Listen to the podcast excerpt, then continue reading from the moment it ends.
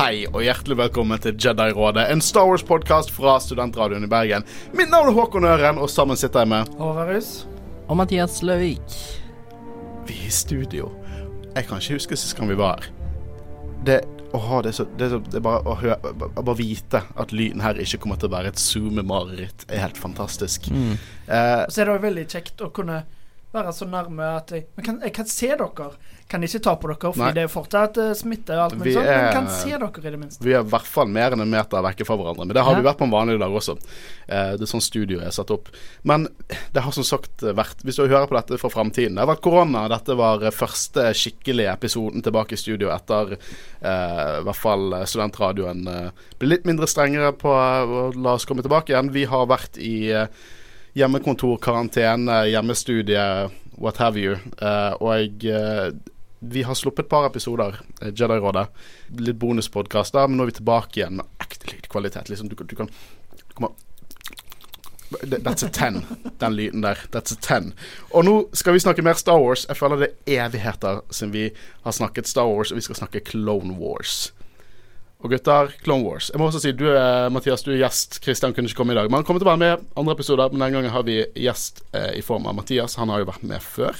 Den infamøse prequel-elskeren. Det er jo Men da måte- må jo Clone Wars være midt i blinken for deg. Ja, det er jo det. Jeg, jeg elsker Clone Wars. Syns det er kjempegøy. Og eh, jeg syns egentlig at Clone Wars på en måte er litt at det er det eneren, toeren og treeren skulle ha vært, på en måte. Jeg syns Jeg, jeg eneren synes bare kunne vært det gjør i hvert fall de filmene betraktelig mye bedre. Ja, absolutt. Eh, når du ser episode tre etter du har sett Clone Wars, så er det noe helt annet. For jeg har sett Clone Wars, jeg har mye nostalgi til Clone Wars. Men du, Håvard, din noob Du har ikke sett det, du, bortsett fra det, denne, det vi skal snakke om i dag, håper jeg. Ja, uh, jeg har sett uh, seks episoder. Uh, egentlig sju, fordi for noen år siden så ga jeg det et forsøk. Men den aller første episoden er jo der når uh, Yoda er på uh, Jeg husker ikke hva det er. Ambush, tror jeg. Ja. Det var ikke en god uh, introduksjon, Nei. og jeg falt av med en gang. Det er helt sykt hvor dårlig introduksjon det er til serien, egentlig. Eh, nå Verste piloten Wars noensinne. så er det mange helt ræva episoder, for å si det sånn. Mye av det verste med Star Wars, storyline i Star Wars, kan du finne i Clone Wars, men noen av de verste kan du også finne i Clone Wars. Ja. For Clone Wars er en såkalt anthology-serie. Den har flere story arcs som etter hvert knyttes, men det er som sagt flere story arcs, så du kan kutte ut det som ikke nødvendigvis er superrelevant. Og du finner mange lister der ute på hva som er de essensielle Clone Wars-episodene. Eh, og vi har laget vår egen liste. Så nei, vi kommer ikke til å gå gjennom alle episodene eh, til Clone Wars. Jeg tror ikke vi har en eneste episode med Jar Binks for eksempel, som vi går gjennom. Nei, han, han, er ikke, han, han er ikke med i noen episoder vi har valgt ut. Så vi har laget vår liste av det vi mener er essensielle episoder, og vi kommer til å gå gjennom de kronologisk. For det med Clone Wars er at de blir ikke sluppet kronologisk. Og nå i første omgang så har vi seks episoder som vi har valgt ut fra sesong én. Og det er episode Nei, ikke fra sesong én. Det er fra sånn tre forskjellige sesonger. første episode vi skal se, er faktisk fra sesong tre. Og det er første episode i sesong tre som heter Clone Cadets. Etter det skal vi se 16. episode i sesong to, Cat and Mouse. Og så skal vi se 16 episoder av sesong 1, The Hidden Enemy. Og så kommer det noe som er litt bedre sånn nummerert. Vi skal se andre, tredje og fjerde episode av sesong 1, som er Malevolence-arken.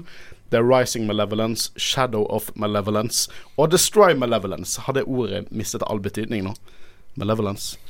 Jeg vet ikke hva det betyr engang. men- og vi har også lagt eh, lister, så vi slipper de listene på Instagram og Facebook. Det er faktisk sluppet. Ja. Men vi kommer til å slippe listen eh, under hver promotering på Instagram og Facebook, sånn at eh, du ikke trenger å bla tilbake igjen i vår historie for å finne det. Så hvis dere der hjemme har lyst å være med og se med oss, så, så kan dere det. Jeg må også si at dette er Google Docs-dokument, eh, og jeg, den er fortsatt mulighet til å endre seg.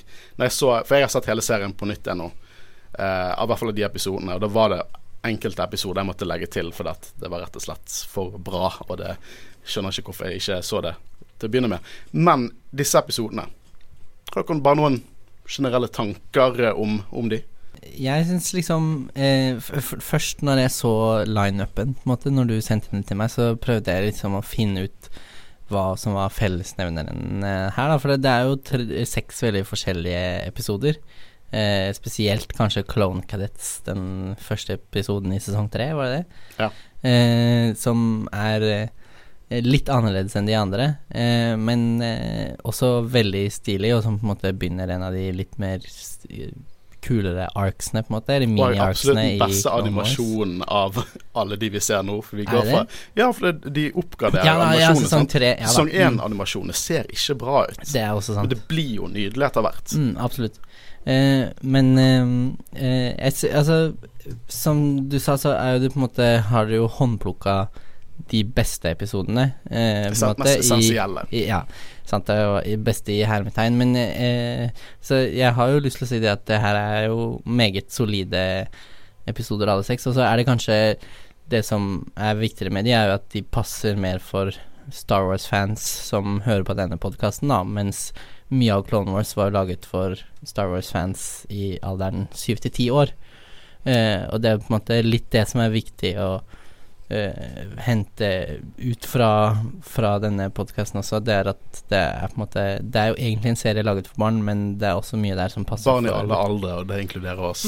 ja, sant. uh, men uh, det er mye bra å plukke ut der for de litt eldre også. Jeg, jeg må også si at eh, jeg, jeg syns Clone Cadets er en fantastisk episode, og det er en fantastisk episode å begynne med, fordi vi blir introdusert til mange viktige kloner. For som sagt, Clone Wars eh, er satt mellom episode to og tre.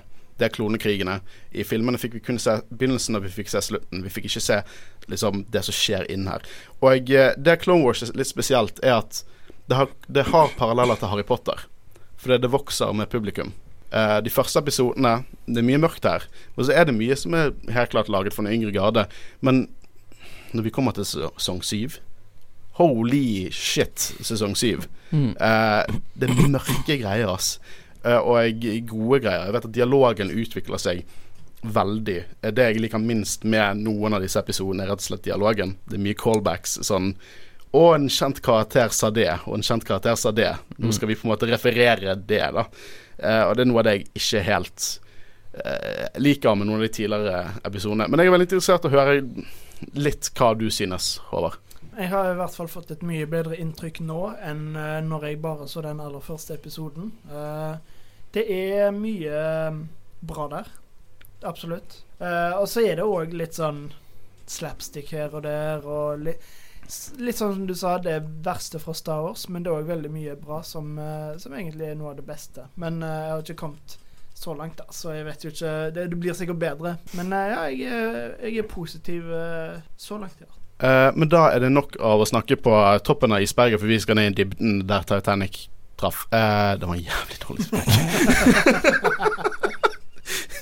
vi skal snakke om de seks første episodene av Clone Wars fra Jedi-rådet sin essensielle liste av Clone Wars.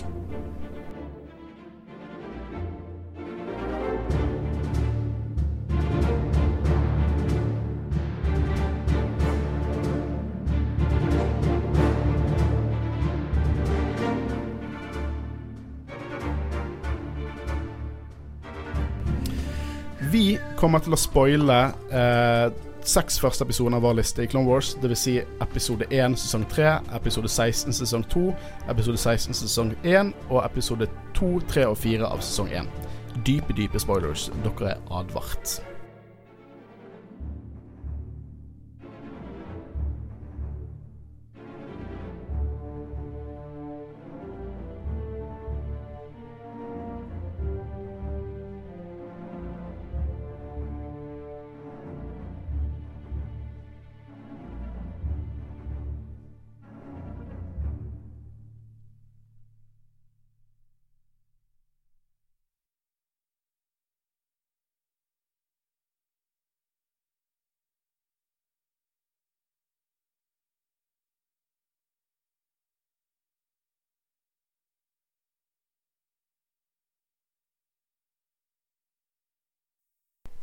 Og vi skal nå snakke om episode 1 fra sesong 3, altså Clone Cadets.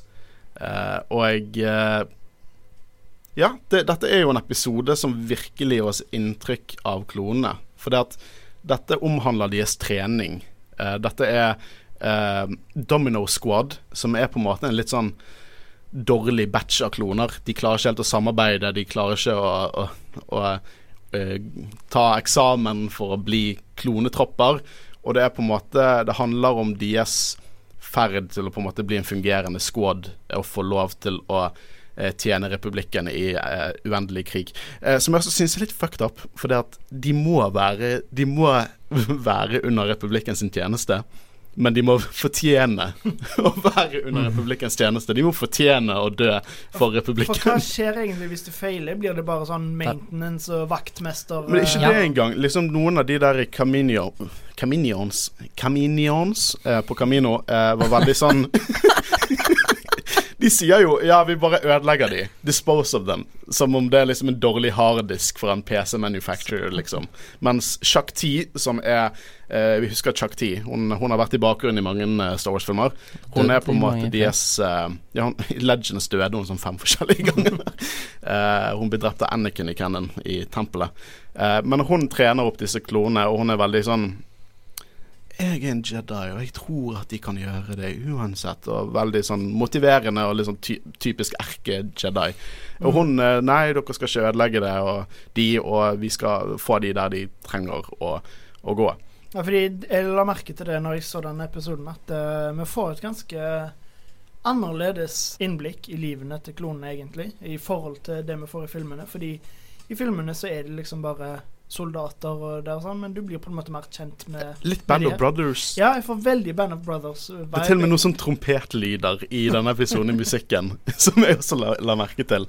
Spesielt så er det jo kanskje det at akkurat Domino Squad har jo, er jo sammensatt av fem Det er vel fem kloner, er ikke Mm. det? Som alle på en måte har veldig sterke personligheter. Ja, akkurat det Eh, jeg merka når jeg så den episoden, at de hadde veldig forskjellig personlighet, Mm. men Og det er jo morsomt, for det skal jo på en måte egentlig ikke kloner ha, Nei. I guess. Eller Men- er, jeg klarer ikke å se forskjell på de, og jeg klarer ikke å høre forskjell på Men de. det, så det, du, jeg, kom, du kommer til å komme der. For det, vi ser Mm. klonene i begynnelsen, og de ser helt identiske ut. Og disse fem klonene er heavy med bare en E.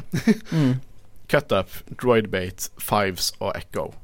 Og eh, senere i sesongene kommer de til å ha tatoveringer, de kommer til å ha annen hårfrisyre. De kommer Ok, Så da kommer jeg til å kjenne det Ja. igjen og liksom tenke Å ja, det var han, ja. Ja, absolutt. Jeg må si at det, det, det er kult at vi får, eh, får inntrykk av disse fem.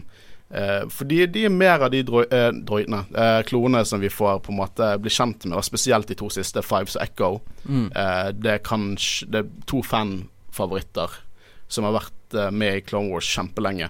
Eh, de klonene som vi rett og slett følger mest i Clone Wars, er jo Rex, Cody, Fives og Echo.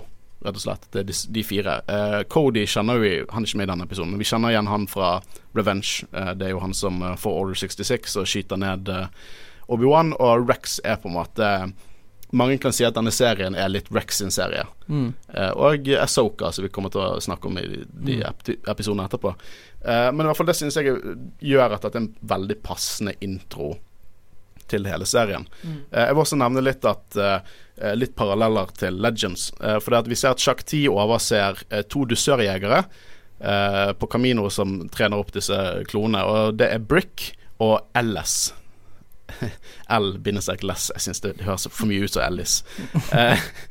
Og jeg, jeg reagerte litt på at Brick er sånn typisk sånn der Full metal jacket, Ja. sint sergeant uh, som prøver å pushe de, og det, de klonene her er ikke verdt tiden hans. Og er litt soft til å være en dusørjeger.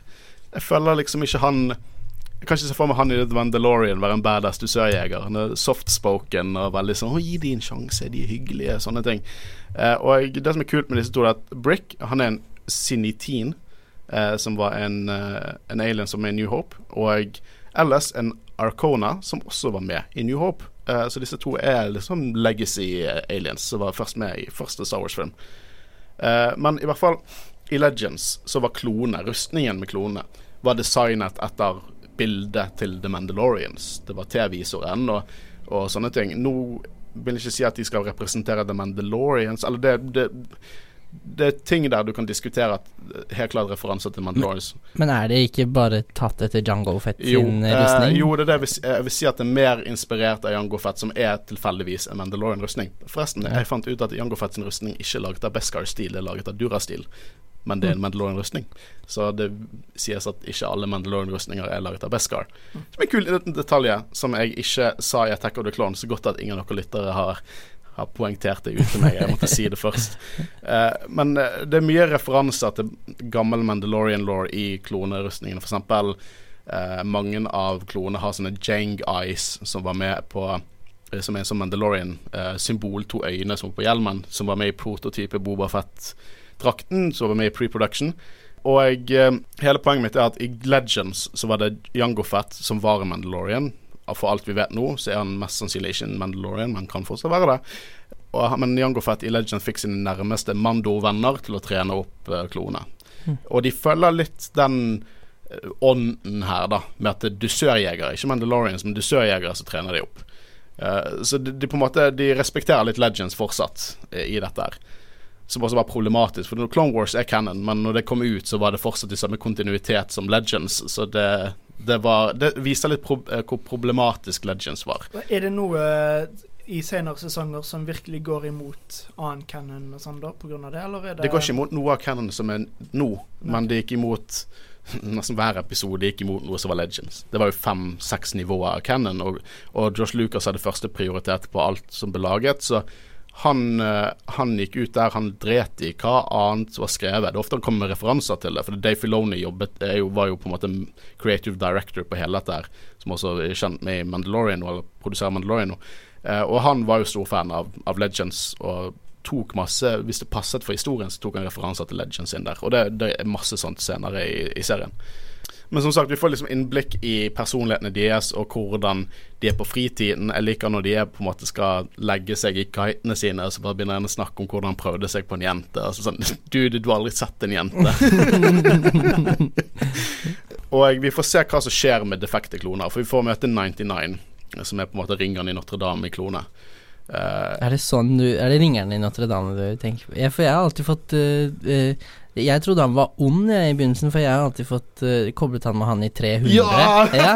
fordi at men klonene si er jo liksom sånn 99, uh, spartanere, på en måte, sånn, sant? så jeg tenkte men sånn å, 99 er jo den snilleste av de alle. Ja da, ja. Og Men jeg- det bare Det er en sånn kobling som Ja, når du sier det, så er jeg helt tatt, enig. Mm. uh, men jeg har ikke lyst til å disrespekte han uh, 99. Men der vil jeg også gi uh, Dee Bradley Baker, han heter, han som har klonestemmen her. For han gjør en veldig flink, flink jobb. Han har stemmen til alle klonene, men han klarer å gjøre de virkelig forskjellige. Og du hører det spesielt i 99. Eh, og de snakker For han, 99 er på en måte en maintenance clone, han kom seg aldri videre fra treningen, og på en måte antar det var feile genetiske ting der. Han er jo disfigured. Han Ja. har jo en sånn uh, hump på ryggen, jeg vet ikke hva det heter på norsk, men hunchback, og han halter og Jeg tror ja. han bare var gammel og liksom en slags prototyp eller noe sånt. Eh, Jeg tolket han var rett og slett bare disfigured. Ja. Mm. Men de nevner dette med Ark Troopers, som dukker opp senere i, i episoden. Og Ark Troopers er Advanced Recon Commando, så altså elitekloner. En av latterlig mange andre elitekloner, for det er hver gang de finner på at de skal ha en eliteklone som de kaller noe annet. Så det er Republic Commando, så det er Arc Troopers, og så litt forskjellig. Eh, men det er på en måte ambisjonen deres, da. Disse har lyst til å på en måte bli Ark Troopers. Og eh, episoden handler om at de må lære å samarbeide for å bestå eh, eksamen til å bli Clone Troopers, og Echo heter Echo fordi han sier alle ordrene på nytt igjen, og Heavy er veldig sånn går på egen sin egen sti og driter i å jobbe med de andre, og ja. Det, det er veldig mye sånn. Så det er ganske enkelt plott. Uh, og mye av motivasjonen kommer fram da når eh, Commander Colt, en Ark Trooper fra The Rancor Battalion Jeg syns det var en litt søt liten referanse. Som er Ark Trooper, uh, dukker opp og på en måte Hvem har lyst til å bli Ark Troopers? Dere kloner. Hvem har lyst til å tjene livet deres for republikken? Og det jeg syns er veldig kult med den Ark Trooperen, og det er en liten bakhistorie her Fordi at dette er jo sesong tre. Og, det, og opp til da har vi bare sett sånn Phase One Clone Troopers. Det er de med bare en T-visor. Og jeg Five of First kostymeklubben De har jo hatt jo godt samarbeid og kommunikasjon med Dave Filoni. De sa vær så snill, ikke gå over til Phase Two, de som ligner mer på, på, på liksom eh, På Stormtroopers, med litt de breie øynene. Eh, please, ikke gå over til de. Vi har nettopp blitt ferdig med å lage kostymene våre til Phase 1. Vær så snill, ikke gå over til de ennå. Uh, så det, det kom et kompromiss. Så disse Ark Troopersene som kommer her, de har uh, så å si den feen på hodet som Phase 1 har, og så har de øynene til en Phase 2, så det er på en måte en mellomting. Så jeg ser for meg at det kanskje er en prototyperustning så de har gitt til Ark Troopers for å på en måte teste i feltene og sånt. Og sånne ting liker jeg veldig godt. Um, og Colt vil jo at de skal utføre en trening, for han skal overse alle disse klonedroppene. Han sier at de skal utføre en treningsløp som heter THX 1138, som er jo Josh Lucas sin første film. Mm. Det er tusenvis av sånne referanser. Og jeg må bare si noe at jeg kommer til å gå glipp av mange av de. Hvis vi skal gå gjennom alt dette og holde tiden skikkelig, så kommer jeg til å gå glipp av veldig mye sånn. Og da er jo på en måte Hele dealet er jo at disse to dusørjegerne uenige, Men Shakti bare sånn ja, ja, han ene har et poeng, men det har også han andre. La oss se hva som skjer. Og så er det dette her at han ene dusørjegeren så å si jukser. Han gir ikke de samme mulighet som alle de andre har gjort. Og så sier Shakti at ja, men kloner må være klar for hvilke som helst odds i kampen. Så det er litt som at du sitter på eksamen, men du får bare ikke PC. Mm. Dinoet ditt. De andre får PC. Ja, og du- du må, hvis, når du jobber livet, så har ikke du alltid en PC. Så bestå eller ikke bestå. Men i hvert fall de stryker, og så får de en ny sjanse, og så klarer de det. Det er rett og slett denne episoden. Flere tanker rundt det? Nei, ikke sånn mye, men det er jo sånn som vi har snakket om før, at det er veldig kult å få litt sånn innblikk i klonene, på en måte. For du ser de sånn som her, da, så begynner de bare som vanlige kloner, og så etter hvert i sesongene så får de liksom mer og mer sånn forskjellig hårstil og kanskje trofeer som de har på rustningen sin, og så Mm. videre og videre. Og det er veldig kult å se den utviklingen av klonene versus i filmene hvor de på en måte virker som de er sånn fresh out the box når de kommer ut av flyene hver gang, på en måte. Så det Ja, ingen sånn, personlighet og sånn. Nei, ingen personlighet og sånn, og det er vil ikke Selv om klonene kanskje egentlig ikke har, skal ha personlighet, så er det kult å se at de Det er jo måte, det som er hele dealen, at Jediene liksom motiverer de til å være kreative og individuelle. Uh, og eh, på en måte ta disse kallenavnene og sånn. da Men jeg er litt interessert i hva du synes om dette, denne første, Håvard. Kan, kan du se for deg at dette kommer til å gi mer dybde til Revenge? Uh, ja, egentlig. Um, jeg likte den eh, veldig godt. Um, jeg likte veldig godt det forholdet vi fikk til klonene, på en måte. At uh, du lærte å kjenne dem litt bedre, og, uh, og ga dem navn, på en måte. Så, sånn som det vi egentlig allerede har snakket om nå. At, at uh, de er ikke bare kloner, de er personer, på en måte. Ja. Men eh, denne episoden her um, Jeg legger merke til litt sånn småting som får meg til å føle at det er på en måte en barneserie og Denne episoden er mer sånn den kan alle sette pris på. Uh, det, er så, det er selvfølgelig veldig enkel plott. Det er veldig enkel beskjed. Så Hver av disse episodene begynner med en sånn der eh, The Republic Commandos Camino! Ja, det har vi ikke snakket om. Den derre eh, ah, The boys at the front are fighting the droids! Å, jeg hater det. Ja, jeg liker ikke det. The separatist launch a deadly attack on the War! Og jeg kommer aldri til å like det. Jeg har prøvd. Det er så bad. Jeg syns det er skikkelig kult. Jeg digger det. Ja, men det, det litt sånn Jeg hater det, men jeg kinda liker det fordi det minner meg om Clone Wars. Mm. Men i begynnelsen Jeg klarte ikke Jeg skjønner jo deg at når du så første episode, bare sånn Ambush! Yo, leading a squadron of clones! On Toyderia! Det, eh, nei. Det, så de prøver litt dette her. Og Vietnamkrigen, andre verdenskrig. Guttene på Mm. fronten kjemper for republikken og sånne ting. Det er veldig sånn Band of Brothers-følelse, på en måte. Ja, det er jo det absolutt, i hvert fall i denne episoden. Mm. Eh, Og en del av de andre Domino Squad-episodene også. Ja. For det Domino Squad er jo For den neste episoden der de er med, er jo en av dine favoritter. Den skal Ja. ikke vi snakke om nå, men kanskje vi må få deg tilbake igjen når vi skal Ja. snakke om den. Skal vi begynne på neste episode? Dette er episode 16 i sesong 2, også kalt Cat and Mouse. Uh, dette her utspiller seg litt sånn rundt Clone Wars-filmen. Nei, vi kommer ikke til å dekke Clone Wars-filmen. Clone Wars-filmen eksisterer fordi Josh Lucas fant ut vi kan jo slippe det på kino. Bare ta fire episoder og slenge det sammen. Og det, det, bokstav, det er den verste Star Wars-filmen. For det er en Star Wars-film. Den ble sluppet på kino og alt. Det er en Star Wars-film. Men den er den verste. Den er helt grusom. Den er helt klart lagd for barn. Det siste gang Christopher Lee spilte Count Dooku, og Samuel Jackson spilte Mace Windu. Det var i den filmen. Og det, hele den filmen, bare for å ikke snakke mer om den, er bare den introduserer Asaish Ventress, som er apprenticen til Count Dooku, og den introduserer Asoka. Og Asoka blir apprenticen til Anakin, rett og slett fordi at Sånn jeg tolker det, at rådet på en måte vet, føler at de to kan lære noe av hverandre. Så Mm. Anakin Skywalker har en apprentice mellom filmene.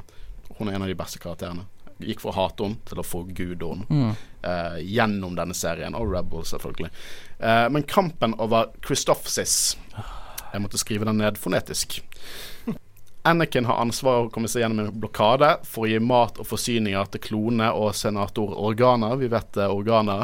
Jimmy Smith, eh, adoptivfaren til Leia. Og, og eh, det som er en liten kul ting her, som jeg, eh, som jeg lyst en liten liksom, fun fact Second in command til Anakin er admiral Wolf Yularen. Og Wolf Yularen er jo også voicet av samme person som sier sånn der eh, Clone. Wars! Eh, men Wolf Ularen, han er jo en, en herdet repub eh, republikk-admiral. Eh, og han er også med i A New Hope.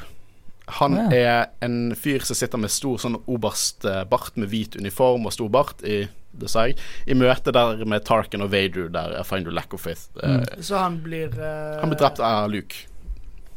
Ja, så han yeah. blir faktisk med i Empire. Ja, han går over fra republikk til Empire, som også gir veldig mening ut ifra det vi har snakket om overgangen fra republikk til Empire. Sånn De fleste her vil jo bare tenke at dette er bare sånne organisatoriske endringer, og så er det fortsatt samme deal. Eh, men det som under Empire så var han offiser i ISB, altså The Imperial uh, Security Bureau.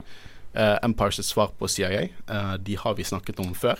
Eh, ja, og jeg tror vi kommer fram til at det egentlig var mer sånn uh, enten KGB eller SS. CIA. CIA. Eh, vi får også bli introdusert til Clone Wars sitt svar på Kenny fra South Park, for han dør og dør og dør og kommer tilbake og tilbake hele tiden. Og det er admiral Trench i flaggskipet Invisible. Eh, han er en Spiderman, bokstavelig talt. Han er en edderkoppmann. Så han dør om og om igjen. Han, han var jo død før dette her, og så kom han tilbake nå da Admiral Trench sier I've seen that, uh, that flag before. That must be Admiral Trench. He's a known admiral. Uh, han Eh, kommer tilbake i sesong åtte også, gjør han ikke? I, I syv, ja. Eller den, den som nettopp slapp. ja, det er han kommer tilbake veldig ofte, og hver gang han kommer tilbake igjen, så er han litt mer sånn robotdeler. Han var med i sesong seks også. Mm. Og jeg, var nevne at Cheap Obi-Wan heter The Negotiator, mens Anakin heter The Resolute. Som er sånn Alle separatistskipene er bare sånn horror, sinister, og alle Jedi-skipene er bare sånn der optimism, light, we are the good guys. Men samtidig så er det jo en veldig kul beskrivelse av karakterene deres, sant. Altså, for det Obi-Wan er jo The Negotiator, og mens eh, Anakin er jo absolutt veldig resolute og veldig eh, Og Anakin Trench er The Invisible, for de er jo livredde han og alle taktikkene hans. Ja. Uh, og eh, Trench han stopper på en måte republikken til å komme forbi blokaden til Christophsis. Uh, og uh, hele dealet er at han er en veldig kjent admiral. Det er veld, sånn, noen av disse skipskampene i begynnelsen av Clone Wars er veldig sånn ubåtkamper. Egentlig. Ja. Uh, det er generelt mye paralleller til andre verdenskrig i, Ja, i. Clone Wars. ja, absolutt. Jeg liker når de, når de trekker sånn. For det det Dave Filoni gjør, er at han er stor filmfan, og sånn så du finner sånn Ok, du finner Godzilla rip-off, ikke rip-off-inspirasjon. Den skal vi ikke dekke. Den er ingen vits å dekke. uh, og jeg, og Monster heter The Sil Sillow Beast, for de kunne ikke kalle den Godzilla. Altså Sillo Beast. Mm. Du får en uh, Predator-referanseepisode, liksom du får zombiefilmer, det er liksom masse forskjellig der. Uh, og det jeg oppdager La oss si at jeg bare, jeg bare klenser hodet mitt. Jeg har sett alt av Clone Wars, men bare la oss si at jeg har sett dette andre episoden jeg ser. Å, fy faen, de, klo, den, de droidene suger. Å, de er så dårlige. Å, jeg trodde de var dårlige i prequel-trilogien. Å, de er så bad. Ja, jeg merker det òg i eh, et par av de andre episodene vi skal snakke om i dag òg. Droidene generelt er fæle. Bare De er irriterende. Det er det verste. De tar alt det verste fra Star Wars. Og det er så mye sånn slapstick og Mm. puns og alt mulig sånn som bare ikke funker, fordi jeg føler at dette er bare for unger. Mhm. Det, det er ikke morsomt. Det, det er ikke gøy. Det er jo spesielt de med sånn snabler som er de verste, på en måte. Eller de der beige. Ja, ja. Eh, B- altså, B1 Battle Roids, ja. ja, Ja, ja, ja. For det er Super Battleroids og eh, Kommando-droidsene. eh, Ja, og De droid, awesome, Droidica, eller hva Droidicans, ja. heter. De, sier, de holder bare kjeft. Hvis de hadde Ja. snakket, hadde de sikkert hatet de, ja. De kan jo være sinister Ja, er til tider, på en måte. Altså Super Battledroids i Mandalorian var jo veldig fett. Mm. Men de og- sier jo også faktisk i serien at B1 Battle Droids er ikke farlig.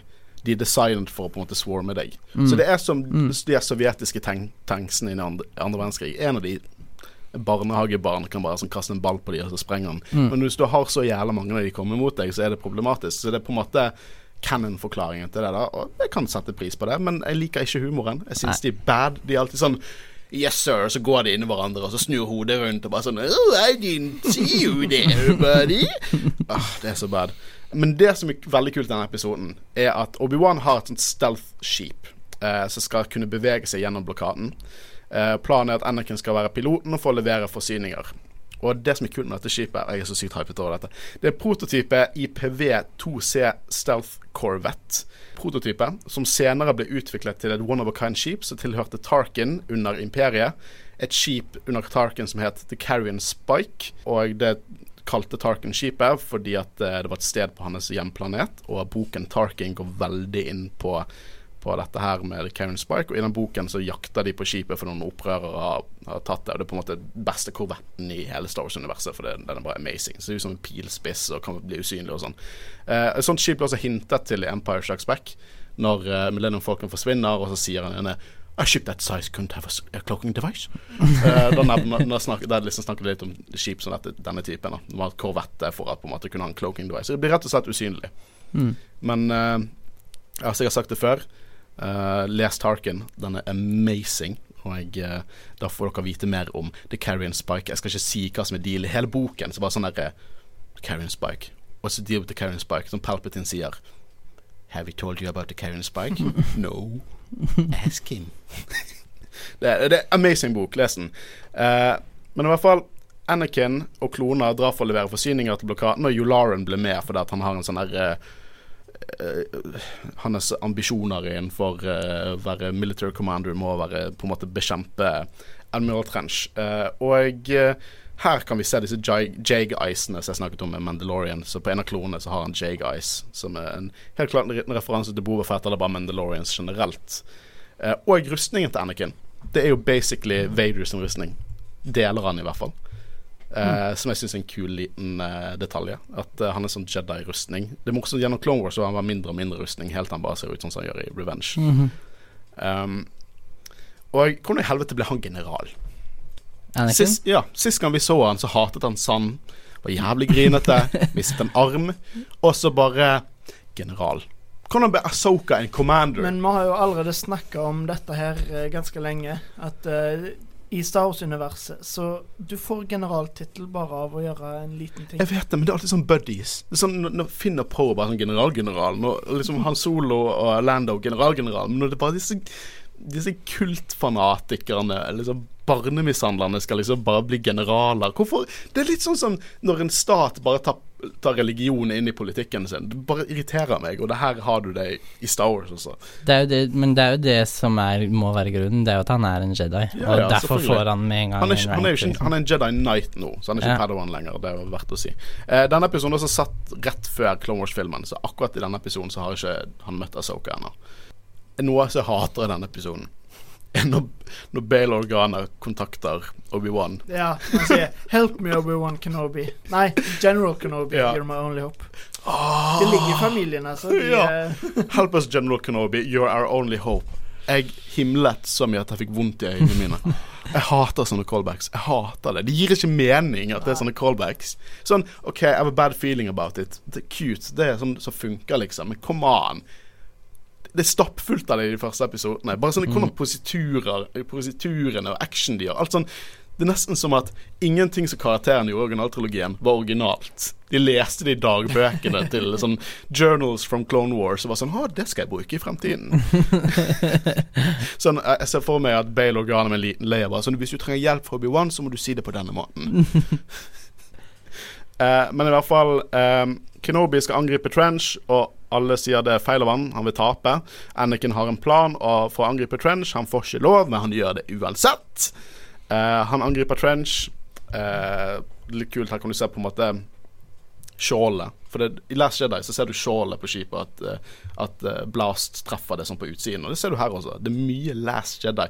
Hvorfor er ikke Christian her? Jeg hadde så mye bra å si som bare sånn Å, se!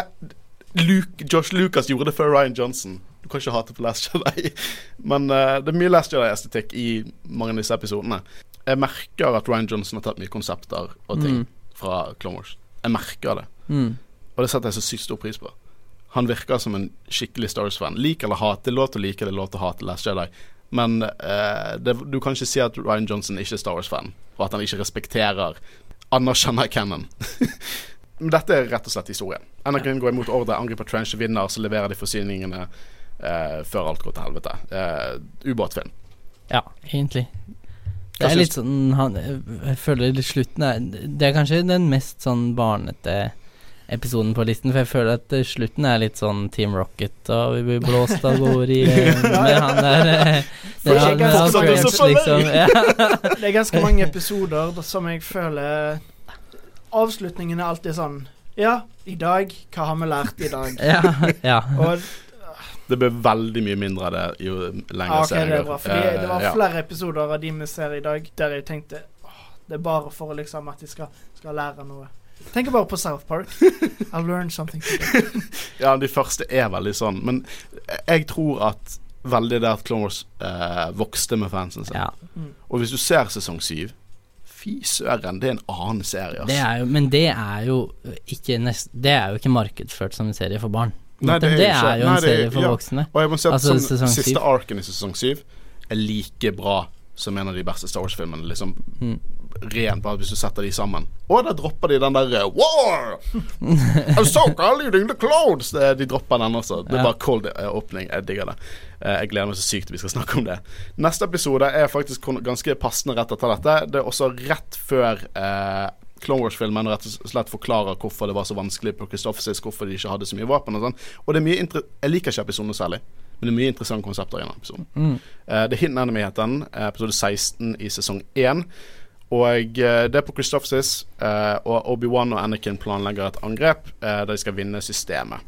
Eh, noe går sykt gale der, og det virker som noen har lekket ut informasjon til separatistene bak eh, deres linjer, rett og slett. Og nå får vi møte Rex og Cody. Eh, som er I hvert fall Rex er på en måte en fan-favorite. Han er en av mine favorittkarakterer.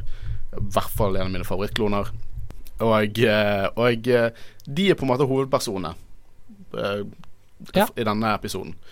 Eh, jeg liker at de tar tar en tactical droid-hode for å prøve å finne ut eh, hva som på en måte var planene deres, og få informasjon ut. Selvfølgelig er det R2D2 som hjelper de, for det, han hjelper alle i Clone Wars. Og det, de skal på en måte finne ut hvor informasjonen blitt lekket ut. Hvem er det som har lekket ut informasjonen. Så det er på en måte litt sånn Who done it-episode. Eh, og de finner ut at noen fra Clone Sergeant Slick sin eh, barracks har utført eh, ulike kommunikasjoner. Og de kommer inn der og begynner å snakke med de, og eh, jeg liker det at Chopper Det er veldig sånn Navnet deres det er nesten som de designer Det er nesten som strippernavn, liksom. liksom selvfølgelig tar Chopper og, og samler på droidefingre. Mm. Selvfølgelig er Slick forræderen, fordi han er slick. Mm. Det er en senere som heter Matchstick. Og han får en li eh, senere episoden så får en sånn Skipet hans blir ødelagt en liten gnist der, og til slutt så tar den gnisten og eksploderer. Og så heter han faen meg Matchstick. Men uh, Chopper samler på droidefingre, som er på en måte litt Det er ikke lov, og det er litt mørkt. Og jeg liker det. Det er sånn typiske historier man har hørt fra Vietnam, at, man, at soldater tar som trophies og sånn. Og her Mm. samler han på droidefingre. Og jeg liker òg akkurat det du sa med Vietnam. eh, fordi eh, en av droidene kaller separatistene for seppis. Mm. Liksom Akkurat som japs eller Mm. gooks. Eller liksom sånn. de, de har sånne der kallenavn som er Clankers. Ja, clankers, det er vel det de bruker om Let's hunt eh, some clankers. mm. Jeg klarer ikke uh, New Zealand-aksenten. uh, men i hvert fall Slick han jobber med Darkside-eleven til Count Dooku, en av de som kommer til å bli en av de mest interessante karakterene eh, liksom, i Star Wars-sagaen. Asaj Ventress. Mm. Uh, og hun er ikke en Sith, men hun er helt klart en Darkside apprentice. Så bryter ikke rule of two. Eh, Men hun er vel Hun skal vel bli en Sith, det er vel det som på en måte er poenget til Doku? det, det er vanskelig, for i Clone Wars så er det så mange sånn bad guy-planer, og så det er alltid sånn OK, hvor mye vet Palpatine om dette her? Mm. det, det er liksom et umulig spørsmål å svare på. For det Palp det er så mange episoder der helt klart Palpatine burde vite at han har kontroll på alt. Hvis vi synes det var vanskelig å diskutere det i prequels hvor mye Palpatine vet eller ikke Dette her er en helt annen liga. Mm. For det skjer så jævlig mye. Det skjer så sykt mye på tre år i galaksen eh, langt, langt borte. Og det syns jeg er litt sånn eh, rart, altså, for det Jeg har jo alltid tenkt på eh, Palpatine som på en måte fyren med en tusen planer og en plan for hvis alt skulle gå galt, og han som sitter på toppen og, og vet alt, på en måte. Og det er jo liksom ikke sånn Hun Ventress, det er jo ikke sånn at hun på en måte aktivt skjuler seg eller uh, har en sånn hemmelig treningstempel på en eller annen borte, Nei.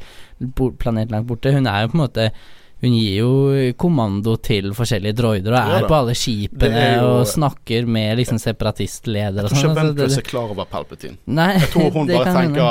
at Count Dooku er mesteren, hun er apprenticen, og så eh, Senere eh, Palpatine er helt klar over henne, så vi vet i senere arcs. Ja? Ja. inn på det. Så jeg tror hun blir vel deceived til å tro at hun kan få mer makt innenfor den organisasjonen enn hun egentlig kan få. Men for det er vel det som er planen til Doku, er ikke det? Å ta over for Jeg føler, jeg Altså, føler at Doku er litt sånn Ja, jeg antar jeg bør følge disse der reglene. Jeg har lyst til å drepe han. Nei. OK, Obi-Wan. Jeg prøver en annen gang.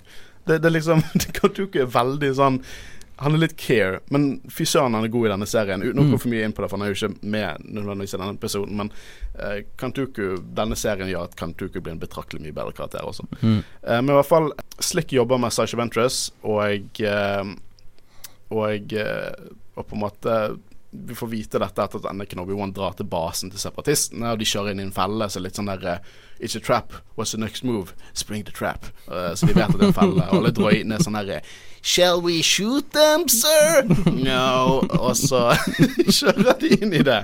Um, så det blir en sånn nevekamp mellom Slick uh, eh, For Slick, hans kloner på en måte Så du tok den samtalen, altså begynner Slick å slåss mot Rex og Cody, og det blir en chase. Eh, og han klarer å sabotere masse gunships og ATTEs, og det er på en måte grunnen til at i Clone Wars-filmen så har de så lite å kjempe uh, med, fordi at han har ødelagt alt det. Uh, så planen er at separatistene skal nøytralisere kampstyrken til republikken og rett og slett invadere planeten for fullt. Jeg syns også veldig spesielt hvordan Slick bare er sånn jævlig OP.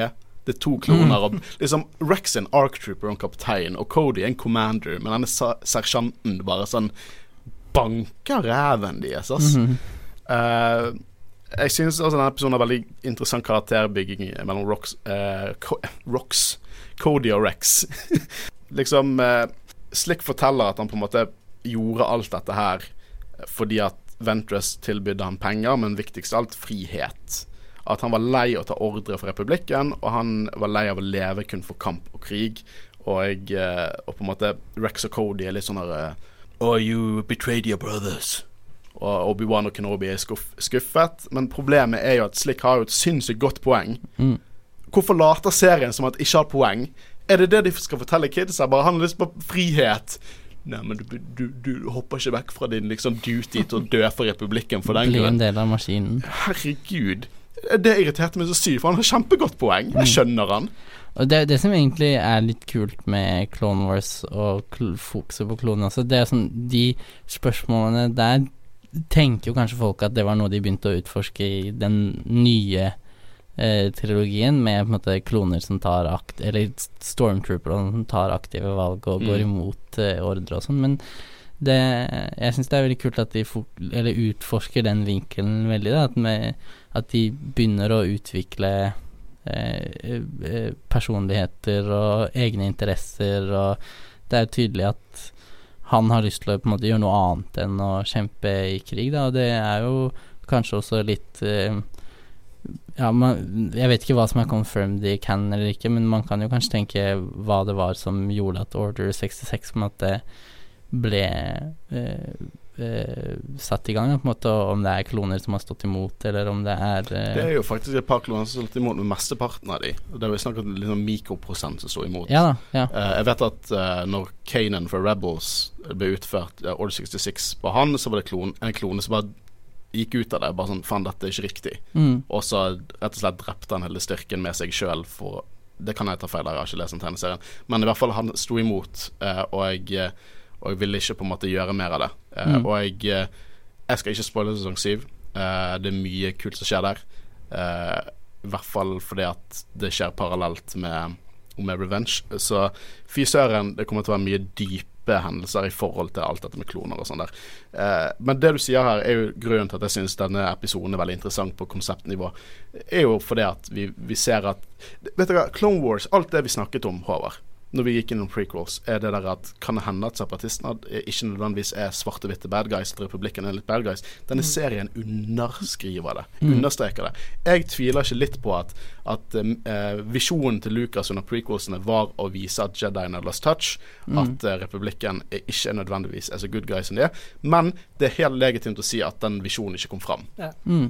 Det er faktisk veldig innafor å si at den kommer ikke fram, men den kommer veldig fram i Clone Wars. Som Det- også gjør at prequel-trilogien blir mye, mye bedre. For separatistene blir jo bare brukt av Palpatine, sant? For de er egentlig så er jo de bare kjøpmenn som har lyst til å drive eh, handel på en måte litt friere Ja, i er- galaksen un, uten fra uten sant? sanksjoner fra republikken, sant? Eller eh, skatt eh, Og derfor skal det bli krig. Ja, ja, sant. Og det er jo noe som skjer i vår verden og Det, det, hele det tiden, på en måte. Sant? er Altså, så kult med bare prequel-æra. Ja, For det på mange måter er det så sykt store paralleller.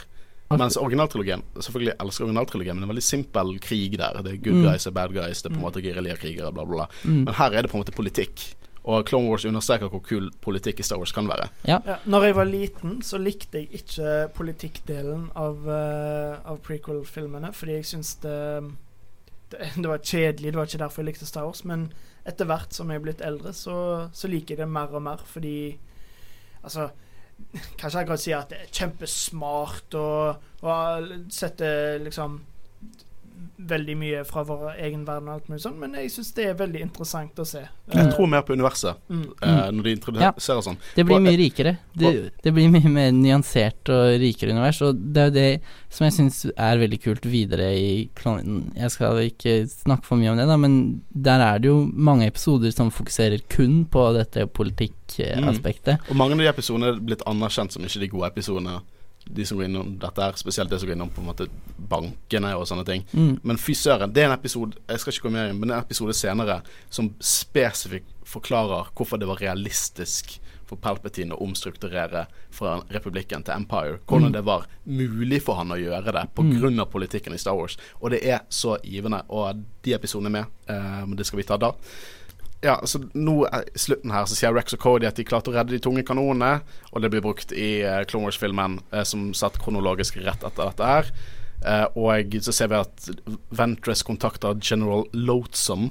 Loathsome. som en sånn geite-ish general, og han er med i den filmen. Eh, jeg nevner det kun fordi at han heter General Loathsome, eh, som er så sykt sånn Harry Potter-navn. Mm. Det er mange Harry Potter-navn i Star Wars. Savage og Press, am I right? Ja, det er sånn det- det best, det mest bad guy-ete en- en navnet noensinne. det, men det er jo sånn, OK, i originaltrilogien, her har du en feit uh, Rebel-pilot. Hva heter du? Porkins. Eh, nå begynner vi å, å komme oss inn på denne Dette som den eneste egentlig arken. Presise arken. For det, de tre første episodene er tre forskjellige sesonger. Selv om de kronologisk sett etter hverandre Dette er tre episoder satt rett etter hverandre. Det er Malevolence-arken. Og det begynner vi med eh, i sesong én, episode to, Rising Malevolence. Eh, og det er et nytt våpen av separatistene som Plo Koon og hans kloner, eh, The Wolf Pack, skal jakte ned og ødelegge. Eh, og skipet som har dette våpenet, heter The Malevolence, og det er håndtert av Duku og General Grievous. Det er vel flaggskipet til Grievous. Ja, og det er på en måte et sånn prototypeskip. Jeg liker veldig godt designet på det. Det minner meg litt om sånn The Covenant fra Halo. Skikkelig kult. Ja, ja, jeg skjønner hva du mener. Det er veldig stort, og det er veldig eh, liksom Ikke typisk Star Wars. Nei, det er mindre eh, Altså, det er mer sånn deler som stikker litt ut, og det er ikke så glatt overflate. Det er nesten som en overflate. sånn sci-fi-by inni et skip. Jeg Ja, får nesten ja. litt sånn Warhammer 40K Ja, av det på enkelte måter, eh, som jeg syns er veldig kult. Uh, hele deal her er jo det at uh, uh, Hva er dette våpenet? Det er rett og slett en EMP. electromagnetic Pulse. Og- Som er litt skuffende, egentlig. Ja, på en måte. sånn- Man har jo lyst til at det skal være en gigantisk kanon, men uh, det, Ja, ja, men Har du sett Rise of. Skywalker? Da får du tusenvis av skip i ryggen. Eh, og så er det på en måte uh, Anakin og Soka får liksom ikke De blir skutt ned og satt ut av commission i Venetoren til Plokon, Jeg tror det er en Venatur han har. Og så får ikke de lov til å hjelpe, for uh, Jedi-rådet er sånn der Det er ikke vits i. De er nok døde. Uh, og her er også et nytt Last Jedi-dilemma. De er utenfor rekkevidde for Mm. å skyte. Det er rekkevidde i Star Wars, og det var det i 2008, før Last Jedi kom ut. Boja! Nå kan man jo selvfølgelig stille spørsmål til hvorvidt laserskytevåpen har noen rekkevidde i det hele tatt, da, men eh, Jeg vet det, men Lucas gjorde det først, så gjorde Ryan Johnson det. Det er canon, people. Det er canon.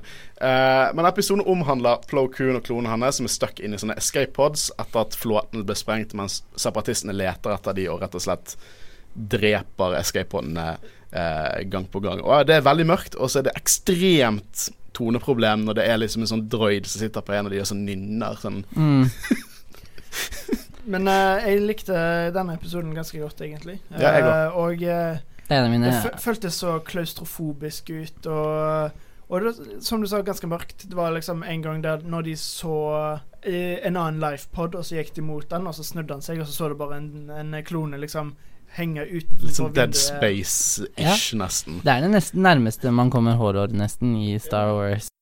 Plo Koon er en beste Jedien. Jeg liker han veldig godt. Um, jeg føler òg han er, så langt i hvert fall, den som virkelig setter mest pris på klonene. Og Mm. uh, sånn som det han sa med liksom I value your life more than finding the weapon. Og uh, når de sier we're, uh, we're clones, sir. We're meant to be expendable. Så sier han bare Not to me. Uh, men grunnen til at jeg tror at Plokon rett og slett er så respektabel karakter, er at før Dave Filoni fikk jobben som creative director for Clone Wars, elsket han Plokon. Han lagde seg et Plo Koon-kostyme. Så det var før vi egentlig visste noe om Plokon, fordi han sa jo ikke noe særlig mye i filmen. Nei, nei, han er, var bare, han er bare en- en rar alien-dude med sånn maske på i filmene. Men Alltid han, lurt på hvordan han ser ut under. Har alle ra eh, i den rasen sånn maske, eller er det bare han som er jeg, fucka? tror, jeg, jeg tror det er deal er at de ikke kan puste i Ja. normal uh, atmosfære. Ja, fordi han kan puste i vann. Han kan gå ut. Ja. Ja, for han har jo denne implanten, sant. Uh, masken. Ja, det ser ut som det er på en måte en del av han, nesten. Ja, det gjør det. Mm. Men jeg tror det er en maske han tar av og på. Ja, det, det kan godt hende. Mm. Jeg, i hvert fall jeg tolker det sånn at uh, rett og slett han kommer fra en planet med annen atmosfære. Ja, Mm. det tror jeg. Men deal er jo det at han får veldig mye respekt gjennom hele denne serien. Og klonene heter The Wolfpack, fordi Dave Filoni elsker kloner. Mm. Nei, Wolfs uh, ulver. Han elsker kloner, men elsker ulver. Så de på en måte De blir kulere og kulere. Det er de, det er de klonene som blir de kuleste klonene, og de har Mm. nytt design nesten hver sesong. Mm. Sånn de eh, Kommandøren deres heter Commander Wolf. Bare Commander Wolf. Commander Ulv. Og han har sånn ulvehode på hjelmen sin. Og helt spesielt design i forhold til alle andre kloner. Så Dave Filoni er veldig glad i ulver, uh, og liker å få de inn overalt han kan. Uh, men i hvert fall Episodene omhandler jo dette at de er stuck, og at Anakin og Asoka prøver å, å, å, redde de. Uh, og Asoka jo, har jo et spesielt forhold til Plo Koon, for det var Plo Koon som fant hun og fant ut at hun var force sensitive. Og eh, Så de har litt en sånn far-datter-forhold. Mm. Eh, og uh, Jedi eh, Council, Jedi-rådet, og Palpatine sier at uh, Ja, det, det våpenet etterlater alle levende folk, så det er ikke noe vits å sjekke. Og så sier Asoka imot. Og alle blir sånn huffy-puffy. Bare sånn Å ja, Padawan har noe å si. oh. Og ja, Asoka, Anakin sin Padawan, snakker ut. Jeg lurer på hvor hun lærte det. Um, de skal egentlig sånn eh, forsvare forsyningslinjer, men Anakin hadde alltid planen om å sjekke Plo Koon ved å utføre ordrene for, for et certain point of view. Mm. Jeg liker veldig godt det han sier, fordi eh, eh Asoka blir jo litt sånn lei seg eller sint for uh, Ja, men hvis du hadde planlagt dette hele tida, hvorfor, hvorfor sa du ikke noe Hvorfor sa du ikke Hvorfor kjeftet du på meg, liksom? Og så sier han liksom bare En ting å gjøre det Jedi-rådet ber deg om å gjøre, en annen ting å gjøre det eh, Hvordan du gjør det, er en annen ting. Ja. Noe sånt, tror jeg han sier. Vi ser litt Obi-Wan i det, hvordan han lærer han. Mm. eh, med hvordan han kjefter på Asoka. Men i motsetning til Obi-Wan så venter han til folk har forlatt rommet, og ikke bare sånn skjeller han ut før han crusher eh, henne. Sant? Eh, så Anakin er så mye bedre i denne serien. Jeg har Ja. fått et helt annet inntrykk. Jeg har ikke sett så mange Serien episoder. redeemer jo Anakin, Ja, egentlig. absolutt. Han- Altså, han er jo en trash-karakter i eneren, toeren, eller altså i prequels. Nest, altså, ikke langt unna, iallfall, men, det- det- denne serien serien Du sa nå etter du hadde sett det, så det er så kjempeinteressant. For du sa at det er Anakin, men det er bare kompetent spilt. mm, Ja. Ja, faktisk. eh, han føles ut som Anakin fra filmene, bare bra. Ja, og han er sjarmerende. Jeg Mm. skjønner hvorfor folk Mm. liker han. Mm. Eh, og han har alle feilene sine. Det er så sykt mye interessant å snakke, si om Anakin, basert på spesielt hans uh, forhold til Padmay. Uh, men det er sykt mye interessant å si om Anakin, og han er en likbar karakter. Og når alt dette skjer i Revenge, så det er Clone Wars jeg tenker på. Det er Clone Wars som får Mm. at, før at jeg føler noe i blodpumpen min, eh, er på grunn av eh, Clone Wars. Um, og han sier dette her med at hvordan vi gjør det Jedi-rådet bedre, og som vi gjør ting, en annen ting. Og han går veldig i Quaigon sine fotspor, føler jeg. Mm. Veldig Quaigon sine fotspor. Ja. Mer enn så enn en Obi-Wan. Uh, og eh, Nå skjer jo dette her hvorfor Plo Koon er awesome, setter pris på klonene sine. Uh, og de må liksom overleve og bekjempe sånne Pod Hunter-droider. Eh, og eh, Anakin og Soka De på en måte leter etter dem mens det skjer, og de må på en måte unngå dette skipet, uh, Malevolence. Og eh, rett og slett redder de. Men det, det, er veldig, det, det er ikke så mye å si om den episoden. Men det er veldig mange kule sekvenser og kule scener. Intense, som du sier, Håvard. Mm. Spesielt når de på en måte OK, jeg kan overleve litt i space, og ta på dere hjelmene, og så må de ut og drepe droiden, og så blir de reddet liksom i siste liten. Det er en stilistisk veldig bra episode. Det er, Ja. det, altså, det, ja, det er god TV, egentlig. Det er det. Uh, noe jeg hater vi får, Her får vi se Soka, som ung. Eh, første gang vi ser Asoka. Og hun er som sagt apprenticen til, til Anakin, og jeg blir sakte, men sikkert, så jo mer eldre hun blir, en ekstremt god karakter. Mm. Ja, fordi jeg har hørt så mye bra om Asoka, men etter å ha bare sett uh, et par episoder der hun var ganske ung og irriterende, så så, så har jeg litt vansker med å se det. Men eh, Liker du ikke hvordan hun kaller R2D2 for R2E? Nei, egentlig. Eller Sky Guy? Men eh, hun er jo Det er jo Hun er jo slående lik Anakin, på en måte. Ja, eh, hun er jo egentlig nesten Anakin reborn. Ja, og Eh, det på blir mange veldig mye fokus på hvordan de er veldig sånn speilbilder av hverandre. Ja, bortsett Altså, det er jo det som på en måte er eh, kulminasjonen, føler jeg, av de to karakterene, er å vise på en måte hva Anakins liv kunne ha vært, og Mm. i forhold til hva Ja, absolutt. Hva det er han- Litt mer dybden der i på en måte det følelsesmessige bak de. eh, For at, Håvard, jeg antar nå at når du ser Revenge, så tenker ikke du at han hadde en liten apprentice mellom filmene? Uh, nei, fordi jeg har ikke visst om Eller jeg har jo visst om det, men jeg har på en måte ikke fått noe inntrykk. For det, så. det pleier, sånne konsepter i prequels pleier å være problem, problematisk for meg. Jeg så nettopp Bumblebee. Det var en drittfilm. Jeg skjønner ikke hvorfor den har så god Ah, eh, kritikk. Men i hvert fall det er en prequel. Jeg trodde det var de scrappet Transformers Cannon, men det var en prequel. Og da var det sånn Hvorfor snakket Bumblebee aldri om denne jenten som redd Eh. masse shit for han? Eh, fordi jeg kjøper ikke som en prequel. Denne kjøper jeg som en prequel. Det er litt fordi at uh, det, det er så mye canon og bøker og, og ting som går inn på det. Rebels går inn på det. Og siste sesong Siste Arkansas sesong går parallelt med eh, Revenge of the Sith. Så du har scener Ja. som utspiller seg du får vitne til fra Asoka sine øyne, som du så i filmen. Og det gjør at jeg virkelig tror på Asoka, at hun har eksistert i universet. Selvfølgelig, men så er det jo også noe som skurrer på en måte for meg når jeg ser sånne ting som The Clone Wars, og det er jo at uh, prequel-trilogien ble laget før The Clone Wars, og det var ikke Det ble vel det, gjorde det ikke det? Ja. Og det var rett og slett ikke tenkt ut at uh, Anakin skulle ha hatt en Padawan mellom toeren og treeren, og derfor oppfører han seg ofte ikke som han har hatt det heller. For in universe, når filmene ble laget, så hadde han ingen Padawan, og så senere har han fått en Padawan mellom de. Og Det jo- det blir jo veldig sånn sant, altså Hele det som er av Soka, er jo bare et sånn tomrom, på en måte, da, i toeren og, og Eller i treeren, sant. For det, og det er det som er litt synd med uh, Det, er det du sier nå, er jo også kjernen av Star Wars. Retcon. Ja, retcon this, retcon Ja, ja, sant? ja. Og det er det som er veldig synd med Retcon, at du får ikke hele, hele sånn Det det kunne ha vært, på en måte. Da. Men det er det jeg synes er det, For jeg er veldig enig med deg eh, ni av ti ganger. For jeg synes at den tiende gangen når de viser det samme hendelse parallelt til det For at hvis eh, sesong syv var satt før eller etter Revenge, så hadde ikke jeg trodd på det. Mm.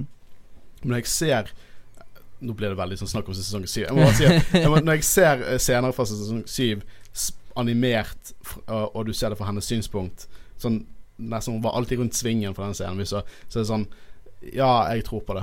Asoka tror jeg på. Men det kan Mhm. hende bare fordi jeg sier det fordi jeg er så sykt fan av Asoka. Ja da. Og jeg tror jo på at de tingene som har skjedd mellom toeren og treeren, har på en måte skjedd. Men eh, ja, jeg, jeg er spent på Jeg har ikke sett sesong syv ennå, så jeg er spent på hvordan jeg, jeg kommer til å håndtere det, da, på en måte. fordi det eh, sånne plot holes som det, da, plot holes i hermetegn, eller ting som liksom skal være der, men som ikke er der fordi det ble laget før, er jo sånne ting som jeg syns er veldig vanskelig å Ja. forholde meg til. Absolutt. Jeg er veldig enig. Det var den episoden. Jeg, jeg vet vi faller Jeg lover at de neste episodene våre skal være mer on track. Det bare, vi har aldri snakket om Clone Wars så mye. All, mye lorddoms om Clone Wars, men nå på en måte Det blir litt sånn inntrykket vi har da. Og du Mm. snakket om at du ikke er så sykt så fan av Soka ennå. Jeg hatet Soka i begynnelsen. Hatet hun. Sky Guy Artui. God damn it. Ikke kall, ikke kall Ikke kall Darth Vader for Sky Guy. What?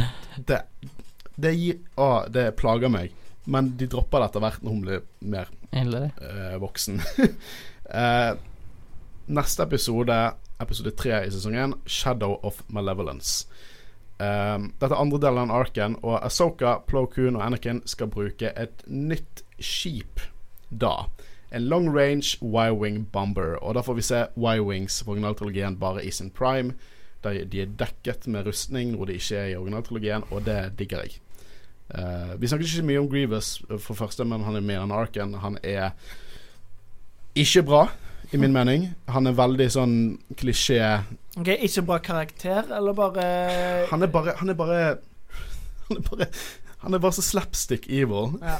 Uh, og jeg, jeg syns litt synd på han, for det er alltid sånn Count Duku, bare sånn I'm beginning to doubt your experience, general. This is a test. Og han blir testet hele tiden, og han gjør det alltid Alltid er det disse darn Jedis som eh, Som stopper han. Litt sånn Scooby-Doo-villain-opplegg her. Eh, men han i hvert fall det er hans flaggskip, som du nevnte i sted, Mathias. Uh, I hvert fall De skal ta disse bommene ut, og så skal de, skal de gå imot The Malevolence. Um, og det som er en litt kul ting her, er at Anakin leder her. Han snakker om hvordan han skal drepe Grievous og sånn, men de møter, kan jo ikke møtes. For første gang de møtes, er Revenge of the Sith. Så gjennom hele denne serien så møtes de aldri. Hm. Aldri face to face. Um, igjen, i notatene mine, det er andre gang jeg skriver det God, Battle Droids. Uh, det er liksom eh, Det er sånn Etter de planlegger at de skal ødelegge en medical station med masse sånn skadede kloner og folk på, så Det er ganske mørkt, egentlig. Jævla mørkt. Og, men det er helt til bare Battleranen sier sånn OK, sir. Oh, I didn't see you there. Det er Rett før de liksom sklir på en banan eller noe sånt. Ja, ja, men det er det, det nivået med slapstick. Altså, for folk som ikke har sett dette før, og ikke vet hvor gale Battle Droids er, så det er skli på bananhumor. Ja. Det, er- det er der det ligger, liksom. Det det. Ikke for å selge denne altså, I sesong syv ikke det. Deilig. Deilig. Det er litt av det, men det er smakfullt der. Ja. Ikke, ikke sånn tonedrepende. Smakfullt. Mm. Smakfullt. Ja. Star Wars er fullt av smakfulle slapstick. Um, men det- ja, det gjelder mørkt. De skal angripe denne medical station, ødelegge og drepe mange kloner og stoppe på en måte uh, oppdriften. IT-supporten av kloner. For det er litt morsomt, for det er en, en Camino, Caminoen der som på en måte nekter å forlate stasjonen for hun skal redde disse klonene. Og tror du det er en del av sånn pakkedeal? Bestill liksom the, the deluxe package av clones, og så får dere sånn så og så mange år med support. For hun kan jo Hun jobber med dette her og gir kundene kloner, og så må nå driver hun maintenance på disse klonene, og hun er villig til å dø. Hun er den beste sånn kloneingeniøren som eksisterer der ute. ja. Og sikkert, helt sikkert ikke nok betalt. Det er ganske sant. Det har jeg aldri tenkt på før, egentlig. Jeg har egentlig bare tenkt at de fikk klonene, og så måtte de på en måte drive Ja, med det, det selv, det, da. det er måte. sikkert liksom den der budsjettpakken. da Mm. Hvis du tar deluxe, så får du så og så mange år med support, og så kan du begynne å betale en subscription for å opprettholde den supporten. Det er garanti, da. Klonegaranti. Og to egne sånne skjestoler til du kan få hjemme i huset ditt. Litt sånn som du kjøper Tesla, så får du en eh, sånn, sånn Tesla-bil til barna dine. Eh, men nå blir i hvert fall Y-Wings ledet av Anakin med Asoka og Plo Koon. Uh, de skal gjennom en snarvei uh, i Kalida Nebula, altså kalt The Balmora Run. Dette er ikke tatt fra en annen cannon, men det er jo veldig sånn The Castle Run-type. mm. Det blir brukt av smuglere, og Plokun liker ikke det. Eh, veldig kul eh, estetikk, egentlig. Spesielt Mm. når disse her eh, Jeg skrev ned Nebray Mantis dukker opp. Mm. Eh, det er veldig De var faktisk skikkelig kule, og eh, Veldig spacelug. Ja. Um, jeg var aldri noe stor fan av det der store monsteret i uh, Solo. Uh, det som bare var i verdensrommet og alt mulig sånt. Men jeg trodde faktisk det hadde kunne vært Det å ha sett de på en stor skjerm, det kunne vært eh, skikkelig kult. Mm. Mm. For det veld, liksom, visuelle i denne episoden er ganske on point. Mm. Det syns jeg. Eh, og her hører vi også Sky Guy, eh, som igjen Jeg har snakket om hvor mye jeg hater det. Jeg må bare Det her er, det er Jeg så at jeg skrev capslock med flere utropstegn i notatene mine.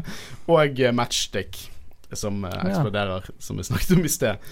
Eh, og rett ut av Nebula møter de på The Medical Station eh, og eh, The Malevolence. Um, og det, skal, det er en liten Death Star-referanse med Malevolence uh, når de på en måte skyter denne kanonen ut, og du ser to droider som sånn hopper vekk fra strålen og litt sånn som du ser med Death Star. Um, og um, hele deal her er jo at de klarer å fucke The Malevolence. De klarer å, sj- å på en måte få bombet den ut, og eh, den på en måte blir, blir ødelagt til en viss grad. Den fortsatt flygende. Eh, og jeg ser sånn Vi klarte det, men til hvilken kostnad? Eh, for det er mange av den Shadow Squadron som er disse Y-Wing Squadron er døde ut. Så det er veldig det du sier over, liksom sånn hva er moralen her? Veldig on the nose. Det er også mye av det i Clone Wars, føler jeg. Sånn uh, oh, men hva var prisen? Ja, Ja, Det er Sånn den Og det er typisk sant, det er en liten The rolig cost of øyeblikk. war. Altså du-du, du-du, du-du, du-du. Eh, Og her er en annen Last Jedi-opplegg jeg skal snakke om. For det at de klarer å ødelegge hyperdriven til Malevolence, så de må fly vekk. Så Obi-Wan i sin Venator følger etter. Og hopper ikke i hyperspeed forbi The Malevolence. For det er ikke sånn hyperspeed fungerer. Du kan Mm. ikke mikrohoppe. Uh, så det blir en chase. Kan, For det er sånn hyperspace fungerer. The Last Jedi did nothing wrong. Det var akkurat det de gjorde. Det var, ak det var akkurat det de gjorde i Last Jedi. Den chase Du kan ikke bare hoppe i hyperspace forbi skipet med et mikrohopp. Det er ikke det hyperspace er laget for. Så igjen Josh Lucas, Ryan Johnson Sjelefrender. hva, hva mener folk at eh, At man liksom Ja, at First Order er idiotisk fordi de ikke hyper, hyperspeeder, lightspeeder, forbi uh, The Radus i Last Jedi.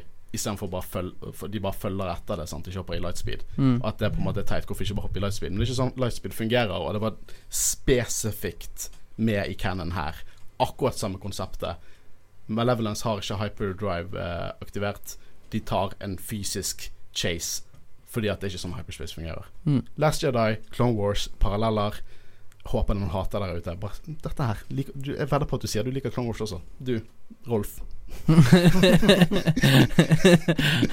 Um, siste episode i Malevolence-arken heter passende Destroy Malevolence. Uh, det er episode fire sesong én.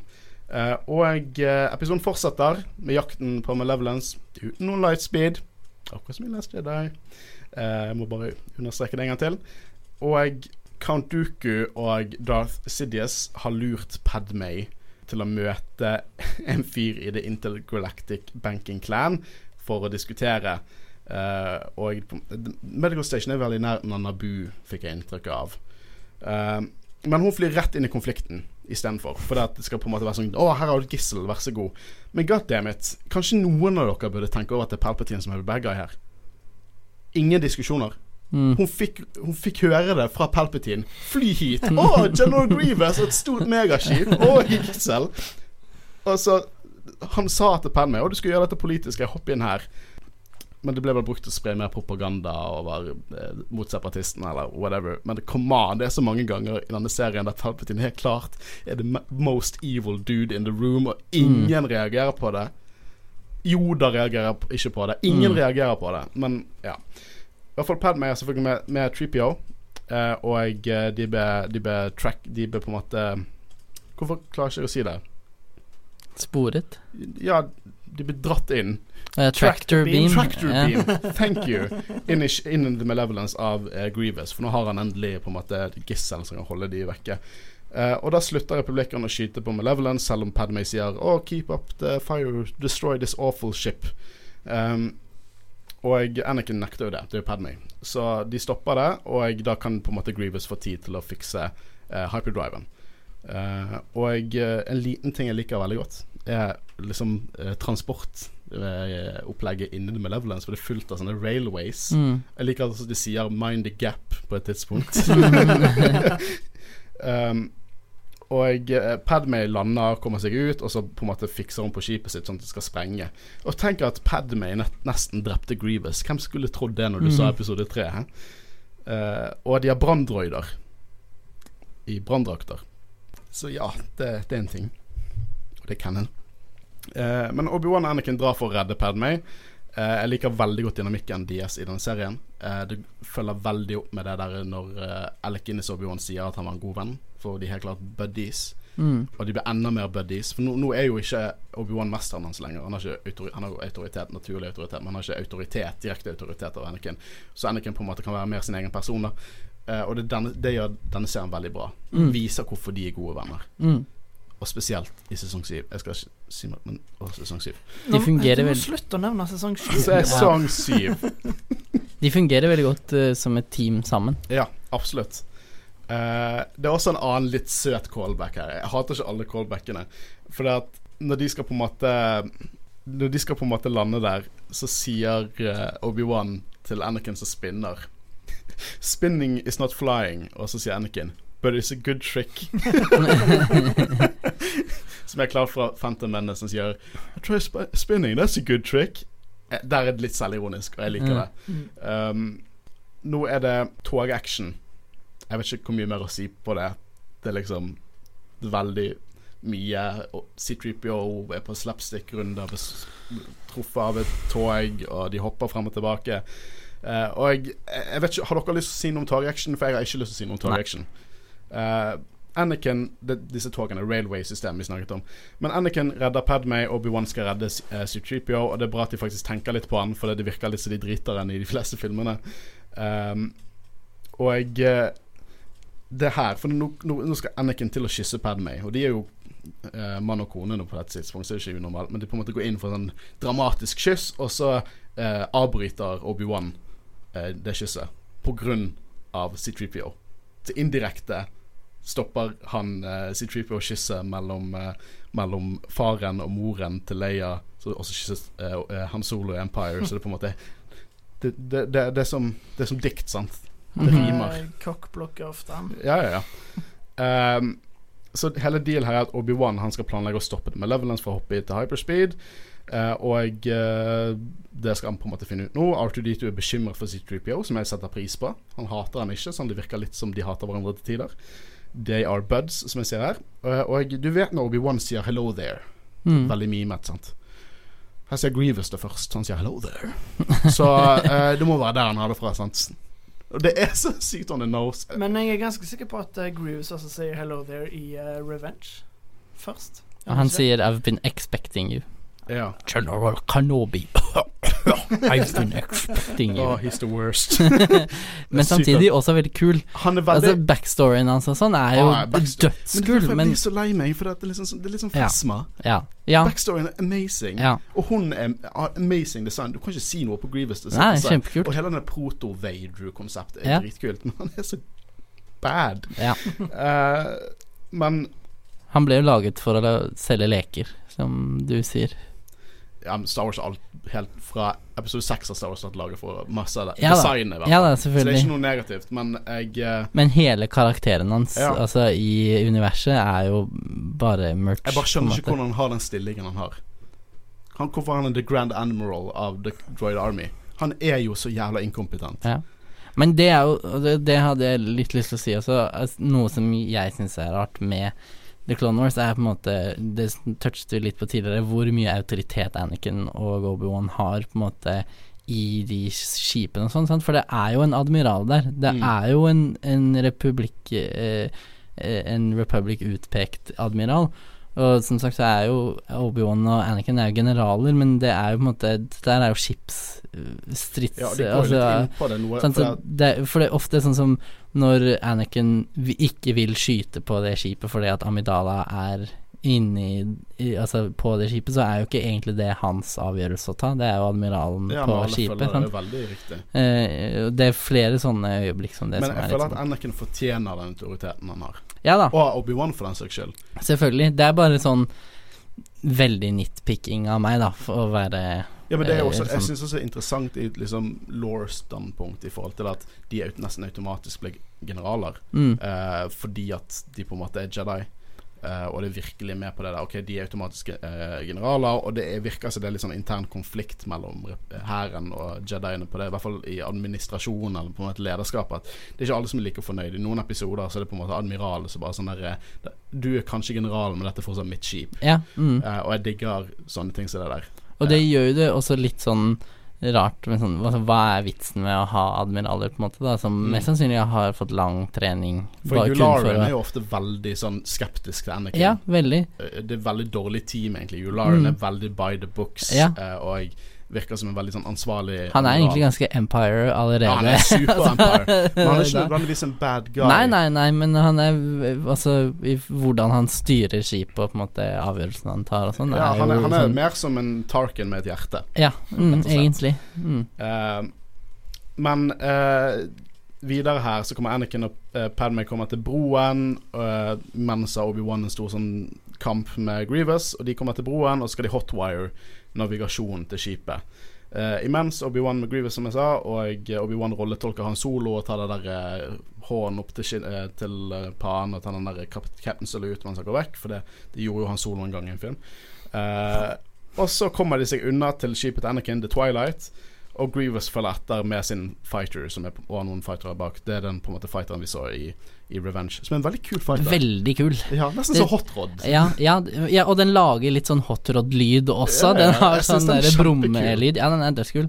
Den ser jo litt ut som en sånn blanding av de vulture droidsene og uh, av et uh, skip, Ja, på en måte. ja Det, vulture droidsene er vel de der jeg, eh, får, jeg får veldig sånn 40-50-talls Ja. sportsbil, Mm, bare ja. i space vibe. Jeg liker det. Jeg Spesielt den lyden som det la, lager, for Ja. det lager sånn bom, bom, bom, bom, bom, bom, Skikkelig sånn mørk brummelyd eh, når du Ja, kjører. jeg syns det er skikkelig kult. ja, altså. veldig, veldig stimmig. Godt design. Det er veldig godt design. Uh, Grievous, alt med Grievous er jo kjempekult design. Og Mm. det er en, en episode senere der jeg, synes, der jeg liker Jeg, jeg, jeg, anerkjenner han som en truende person, og det er den Mm. Lair of Grievous. Som skal vi ikke snakke om nå, Mm. men Ja. Lair of Grievous er en oppriktig kul episode Ja. med Grievous som skurken. Ja. Um, men i hvert fall, de har uh, fiklet med navigasjonssystemet, og uh, Grievous er ikke om bord, for han må jo overleve. Og gjett hva som skjer nå, som også er en ny parallell til Last Jedi. Malevolence lightspeed-jumper inn i en måne. Ja. ja. Og ja, de gjør det. De hopper til lightspeed, kjører inn i en måne. Jeg lurer på hvor det har skjedd før. Her. Noen har krasjet med noe annet stort objekt i lightspeed. Ah, det er så mye her. Det er så mye her. Som jeg syns Justify Last Jedi i canon, er det så mye i disse episodene. Um, Ikke bare justifier The Last Jedi, men det justifier jo alt som uh, burde skje en Altså, lightspeed jumping i seg selv burde jo fungere sånn. ja, Det, absolutt. altså, det, det, det, det, er sånn det de gir mening at det Ja, ja. tingene, Der det Ja. introduserer fysikk Ja, ja. til Star Wars. Det er jo sånn det gir sånn, mening at det funker. At du kommer jo til å Altså, lightspeed er jo bare at du kjører veldig fort. Du Mm. kommer jo fremdeles til å treffe ting eh, når du kjører så fort. Faktisk teknisk sett så hopper du til en annen parallell dimensjon. Gjør man det? ja. Ok. Lightspeed. Eh, så når Holdo, hun hoppet inn, ikke inn i lightspeed, hun gjorde sånn at hun skulle hoppe inn i lightspeed etter skipet. For du må komme til lightspeed for å hoppe inn i den hyper eh, spe- lightspeed-dimensjonen. Okay. Det er veldig rart. Veldig spacey. Ja. Eh, men eh, jeg må også kommentere at lydeffekten er veldig lik når Holdo tar det Holdo manøver også. Mm. Til og med lydeffekten. Mm. Ryan Johnson har garantert sett disse episodene. Garantert. Eh, og jeg liker veldig godt at Grievous bare legger på når han snakker med Tenk at han tør det. Han var så jævla lei av de testene som han legger på. Eh, hva syns vi om denne episoden?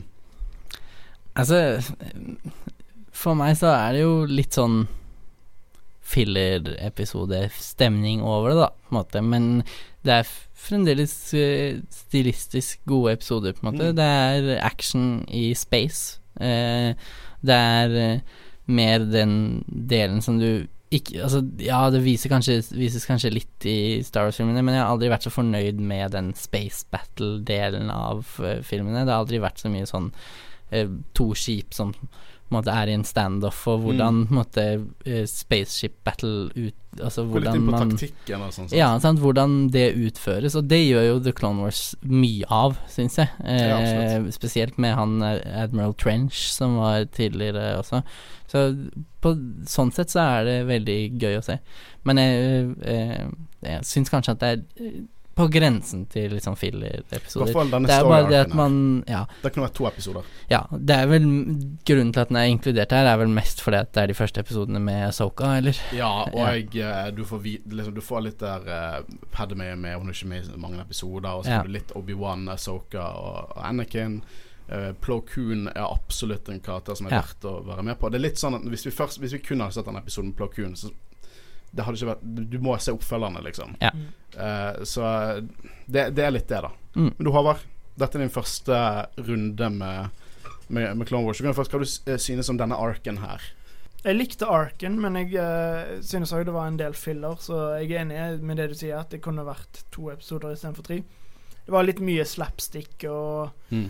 alt mulig sånn, men veldig mye kule ideer. Eh, du nevnte jo, Mathias, at uh, det var litt kjedelig våpen med EMP, men jeg syns faktisk det er ganske stilig, jeg. Med Det er ikke noe typisk vi har sett i Star Wars. Nei, egentlig. og uh, det må jo være veldig, veldig bra våpen å ha, for å si det sånn, for det er jo så effektivt. Og det er lengre range enn vanlige blasters også, så Mm. uh, og det er veldig interessant å se forholdet mellom karakterene og litt sånn, og jeg er veldig spent på, på hvordan det går videre. Jeg er eh, Jeg har jo hørt at det skal bli veldig mye bedre, eh, så jeg kan ikke si at jeg er helt 100% overbevist ennå, men jeg, jeg jeg gir det iallfall en sjanse. Jeg, det var veldig mye jeg likte. Eh, Det var mer jeg likte enn jeg mislikte, men det, Mm. var, det jeg mislikte, var på en måte Jeg må bare understreke at uh, du har ikke så mye, mye å si og at gi det en sjanse, for du skal være med på mesteparten av disse episodene, så du må nok se det uansett. Men det er jo litt sånn Jeg tror jo egentlig at The Clone Wars er kanskje det Star Wars-materialet som er vanskeligst for Star Wars-fans å eh, se på, på en måte. Eller sånn både det og Rebels, fordi at det er ganske markedsført eh, mot barn. Og jeg tror det er veldig mange Star Wars-fans som har store problemer med hele den markedsføringen mot barn-greia, på en måte. da De, de er voksne, og, og egentlig er, var jo Star Wars når det kom, var jo markedsført mot unge Altså barn i 10-15-årsalderen. sant? Altså Når de første Star Wars-filmene kom, de som er fans nå, var jo Ja i, i den alderen når det kom, sant? men så har de vokst, og så vil de ikke ha flere barneting. Eh, så jeg skjønner jo på en måte at du Eller at det kan være litt vanskelig å fordøye eh, når du først begynner på det. Og så eh, tror jeg også at det handler mye om eh, strukturen i serien, på en måte. Det er kanskje veldig mange som ser på, eller som begynner på The Clone Wars, som ikke er vant til den måten å se på TV på. De har kanskje aldri sett en serie hvor konseptet filler har vært eh, noe som er i det hele tatt, på en måte. Da. Eller sånn eh, I så fall har det vært ganske gode fillers, på en Ja. måte, da.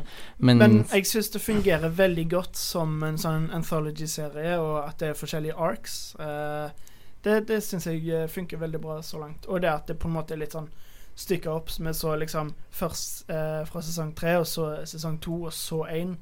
eh, uten at det gjorde noe. Så jeg, jeg liker eh, serien sånn som den er lagt så langt, jeg, i hvert fall. Ja, jeg, jeg, jeg gjør det, jeg òg. Og jeg dealer at Jeg er veldig enig med det du sier. Markedsført for barn.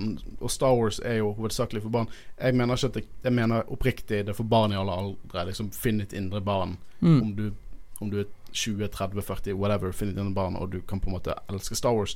Og du, noe med nye Cannons, og det var jo med gamle Ken, nå er det ulike historier som er klart rettet for eldre alder. Jeg syns Mandalorian var helt klart rettet for en litt, litt, litt, litt eldre garde. Ja. Som Rogue One, for eksempel. Eh, men dealen eh, er at, at tidlig Clone Wars er ikke flink til å på en måte gjøre at alle kan nyte det. Nei. Og det, er, det synes jeg er en legitim ting å kritisere på, at de ikke, de Mm. er ikke veldig flinke til å balansere det. Og da blir det plutselig toneproblem, fordi de prøver det. Det er mørke ting som skjer i disse, disse episodene, så plutselig Mm. slapstick. Nesten som at de har veldig lyst til å lage en voksen Star Wars, og så bare kommer de på faen, det er jo for barn. mm. Eh, men jeg synes at den balansen blir bedre i de senere episodene.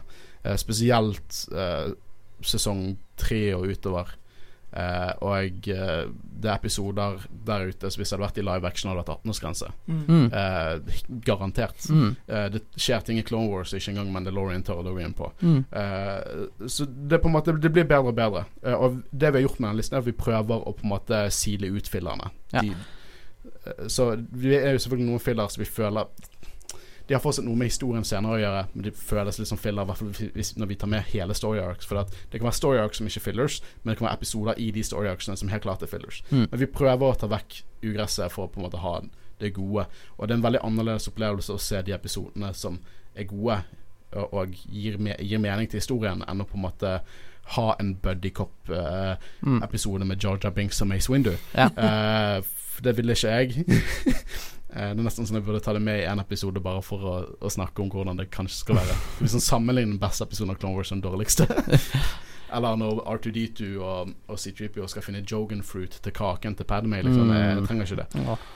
Men uh, vi har egentlig snakket litt hva vi synes om dette nå. Det, det er ikke så mye å si om denne arken. Jeg kan jo nevne det at uh, neste ark, uh, eller episode vi kommer til å gå gjennom, som er resten av sesong én, det er episode 1, nei, episode 5 sesong 1, Rookies. Episode 10 sesong 1, Lair of Grievous. Episode 19 sesong 1, Storm over Ryloth. Episode 20 sesong 1, Innocence of Ryloth.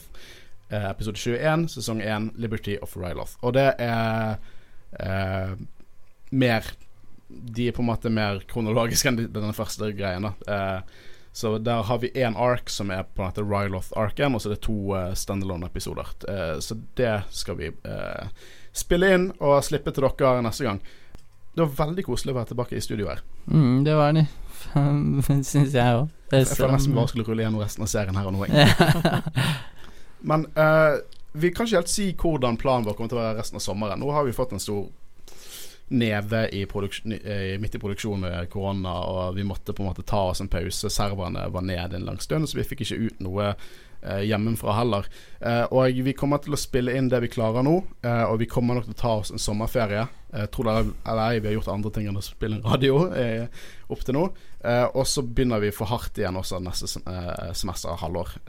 Og vi har ekstremt mange Clone Wars-episoder å, å, å gå ut på. Eh, det er, jeg tror vi har planlagt sånn ca. 15 episoder med Clone Wars-materiale. Eh, de fleste er delt inn i en sesong som regel prøver vi å være delt inn i, i to episoder fra Jedi-rådet. Eh, det blir litt for mye å gå i dybden på en hel sesong i en episode. Så det blir ca. 15 episoder. Vi har også en comic book som skal være med i Clone Wars Arkham War. Det er eh, Son of Dathamir, uh, som er en tegneserie som rett og slett er en Clone Wars ark som blir gjort om til en tegneserie. Den kommer vi til å dekke. Vi kommer til å dekke 1, 2, 3, 4, 5, 6, 7. Og vi kommer ikke til å dekke 7 før Disney Pluss er i Norge. Og det kommer i september. 15. september er vel det jeg leste. Så uh, forhåpentligvis så har dere fått hørt eller sett Clone Wars eh, til vi snakker om det. Og hvis ikke dere har sett Clone Wars, skal ikke stoppe dere for å høre det. Eh, så håper jeg dere har fått litt inntrykk. De, vi har jo på en måte snakket litt sånn Ken-fordypninger. For det, jeg merker at det er mange som setter pris med denne podkasten, de som har sendt inn, er at de får litt dypere innblikk i universet når de ikke nødvendigvis har uh, tatt valgen om å finne det uh, utvidede universet sjøl. Som jeg skjønner, for det kan være veldig vanskelig. Ja, uh, som jeg sa til, til en av våre lyttere som sendte inn, er at uh, man ofte må, må ha sånn Excel-dokument om å finne ut hvilken kontinuitet som teller, og det er ikke alltid like enkelt.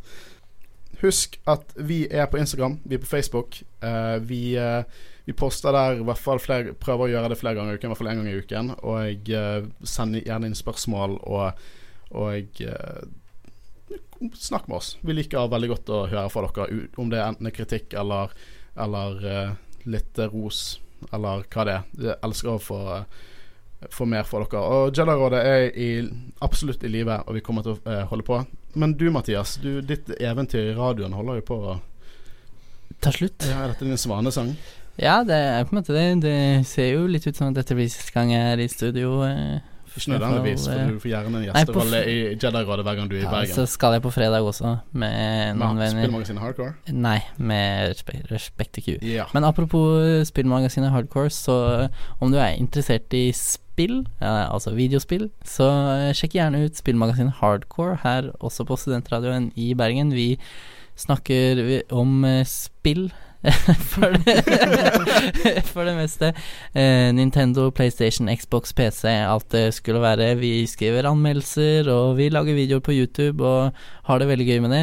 Eh, så om det skulle interessere deg, så sjekk oss gjerne ut. Hvis man, dere har hørt uh, Jedi Fall Order-episoden vår, det er en gjeng for hardcore som sitter og, og snakker med oss der. Og de er veldig flinke gutter og kan mye om litt av hvert. Ja.